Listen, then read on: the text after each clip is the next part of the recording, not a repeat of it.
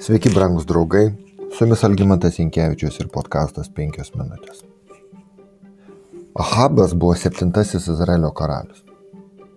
Biblijoje sakoma, kad jam sekėsi dar blogiau, jeigu tai galima iš vis pavadinti sėkme, nei visiems jo pirmtakams, įskaitant ir Jeroboamą, kuris panardino Izraelį į stabmeldystės bedugnę.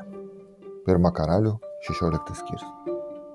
Bene reikšmingiausią vaidmenį šiame atsitraukime atliko Ahabo žmona, Sidono karaliaus duktė Jezabelė. Jis subūrė aplink save daugybę vadinamųjų balo pranašų, visais įmanomais būdais padėjo jiems skatinti finikiečių kultą Izraelio žemėje. O viešpatas pranašus jį negailestingai naikino. 22 metus trukus, trukęs Ahabo valdymas pasižymėjo tam, tikros, tam tikra politinė sėkme, ypač taikos ir prekybinių santykių su Damasku užmėsgimu, Samarijos sustiprinimu ir netgi Jericho atkūrimu. Visą Habo valdymo laikotarpį Moabitai buvo Izraelio vasalais, o tai rodo e, tam tikrą valstybės stiprybę. Tačiau tuo pačiu metu šie politiniai laimėjimai pagal savo svarbą negalėjo išpirkti amoralios veiklos, kurią skleidė Ahabo ir Jezabelės pora. Činkiančiųjų viešpačių priespaudo ir viešpatės pranašų nužudimas nebuvo jų vienintelė niekšiška veikla Dievo akise. Nesažiningumas, korupcija, klasta ir godumas buvo jų valdymo Izraelyje, jeigu taip pavadinsime, kredo.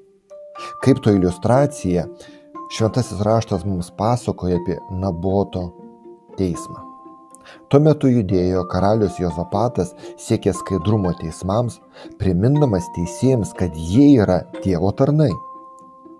Ir tuo metu Izraelyje teisėjai tampa valdžios institucijų įrankiais įspręsti valdžios nešvarias problemas. Nabotas Izraelyje turėjo vynogyną šalia Samarijos karaliaus Ahabų rūmų. Ahabas kalbėjo Nabotui sakydamas, duok man savo vynogyną, kad galėčiau turėti daržą, nes jis kaip tik yra šalia mano rūmų. Už jų duosiu tau geresnį vynogyną arba jei tau patinka, sumokėsiu jo kainą pinigais. Bet Nabotas atsakė Ahabui, saugok Dievę, viespats draudžia man atiduoti savo protėvių pavaldą. Ahabas parėjo namo prislėgtas ir nurus dėl atsakymo, kurį jam buvo davęs Nabotas Jezraelietis. Aš netiduosiu, ką esu paveldėjęs iš savo tėvų. Atsigulęs į lovą, nugrįžė veidą į sieną ir nieko nevalgė. Pirma karalių 21 skyrius.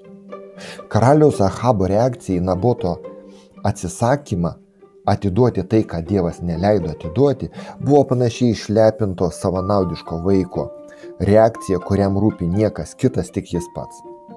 Atrodė, kad visa jo karalystė jam nieko nereiškia, nes jam reikia, jam reikia užvaldyti Naboto vynogyną. Jezabelė, jo žmona, sužinojusi vyro liūdėsių priežastį, įtikina jį, kad ji ras būdą, kaip išspręsti reikalą. Ji rašė laiškus Ahabo vardu, ji užanspaudavo jo žiedų ir pasiuntė seniūnams bei didikams gyvenantiems su Naboto jo mieste. Laiškose įrašė, paskelbkite pasninką ir pasodinkite Nabotą pirmoje suigos vietoje. Priešais pasodinkite du vyrus niekšus, te paliudėję jie prieš jį tardami, tu keikiai Dievą ir karalių. Tada išveskite jį ir užmuškite akmenėmis. Šio klastingo plano cinizmas Taip cinizmas neturi ribų. Jezabelė, kuri nekentė viešpaties ir niekino viešpatį visą savo gyvenimą, įtikina teisėjų sugalvoti byloje, kurioje kaltinimas bus, kabutėse, Dievo šventvagystė, dėl kurio kalta jinai pati, nes ji būtent taip daro.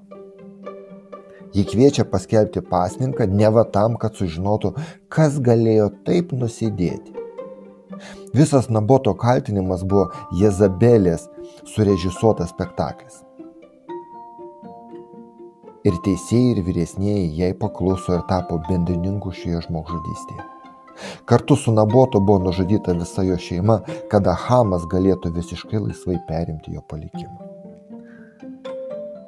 Žiūrėdami, brangus draugai, istoriją mes turėtumėm pripažinti, kad per daugybę šimtmečių istorijai, žmon, istorija pasakoja, kad žmonės nekeičia savo niekšingo kelio ir daugybė istorijos liudijimų sako, kad ne šiais laikais vyksta panašus dalykai. Labai gaila, bet jie vyksta. Rytoj, jei viešpas leis, pažiūrėsime su jumis kartu, kas nutiko šiame vynogyne ir kaip pasikeitė nedorelio Habų gyvenimas po vieno susitikimo, kurio metu jis išgirdo griežtus pranašo Elijo žodžius. Su jumis buvo penkios minutės ir Algimantas Inkevičius.